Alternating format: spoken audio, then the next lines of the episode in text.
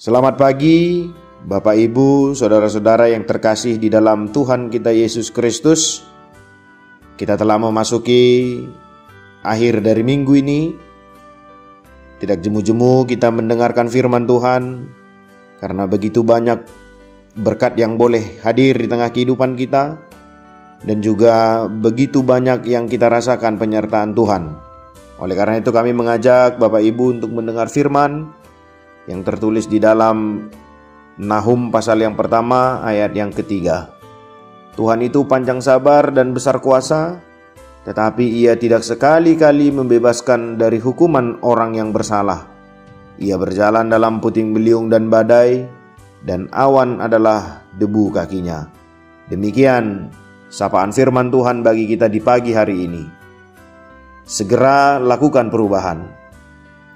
Jika kita membaca kitab Nahum, kita mungkin akan berkata, tidak banyak sukacita dalam kitab ini. Itu karena Nahum menulis tentang kehancuran Asyur dan ibu kotanya Niniwe. Nahum menyatakan murka Allah ketika dia menantang Asyur. Beberapa tahun sebelumnya, karena belas kasihnya Tuhan dan demi mewujudkan kehendaknya sendiri, ia telah mengirim nabi yang ogah-ogahan yakni Yunus untuk menyampaikan firman Tuhan kepada penduduk Niniwe. Pada saat penduduk kota tersebut bertobat, kota itu terselamatkan. Gambaran di atas menunjukkan betapa terbatasnya manusia. Tetapi tidak demikian Tuhan yang kita sembah. Nahum menggambarkan Tuhan dengan dua sifat luar biasa dalam nas ini, yaitu panjang sabar dan besar kuasanya. Kesabaran Tuhan dinyatakan dengan kesetiaannya menunggu manusia untuk bertobat dan kembali kepadanya. Tetapi sejalan dengan itu Nahum juga mengingatkan bahwa dalam kebesaran kuasanya Tuhan mampu melakukan apa pun termasuk menghukum manusia atas pelanggaran yang dilakukan. Jika kita mau merenungkan betapa kita sebenarnya melakukan begitu banyak hal yang salah di mata Tuhan setiap harinya.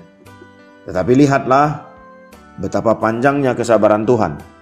Meski Tuhan tidak akan pernah membebaskan orang yang berdosa dari hukuman, tetapi Dia selalu mengampuni dan akan memberikan kesempatan bagi kita untuk memperbaiki diri, kembali ke jalan yang benar, yang lurus yang menuju kepada keselamatan kekal. Kendati pun demikian, jangan sesekali meremehkan kesabaran Tuhan.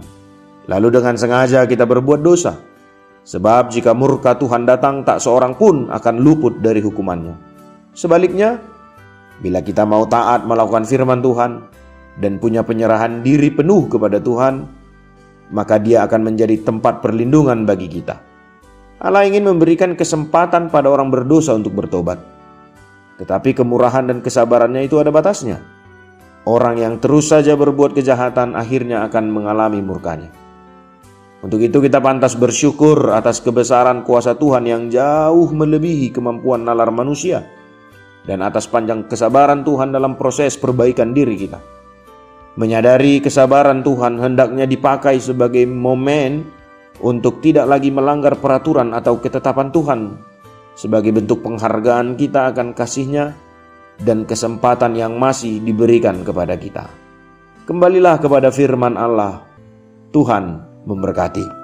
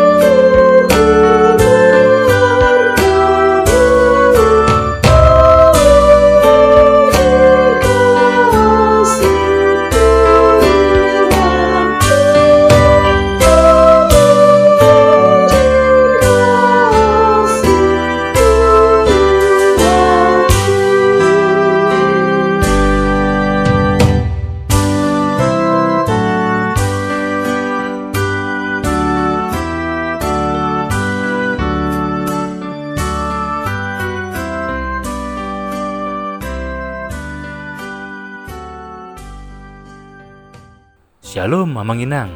Terima kasih sudah mengawali hari dengan mendengarkan renungan hari ini. Yuk bagikan renungan harian ini kepada keluarga kita sehingga firman Tuhan itu tidak kembali sia-sia, namun berbuah dan terpelihara. Tuhan Yesus memberkati.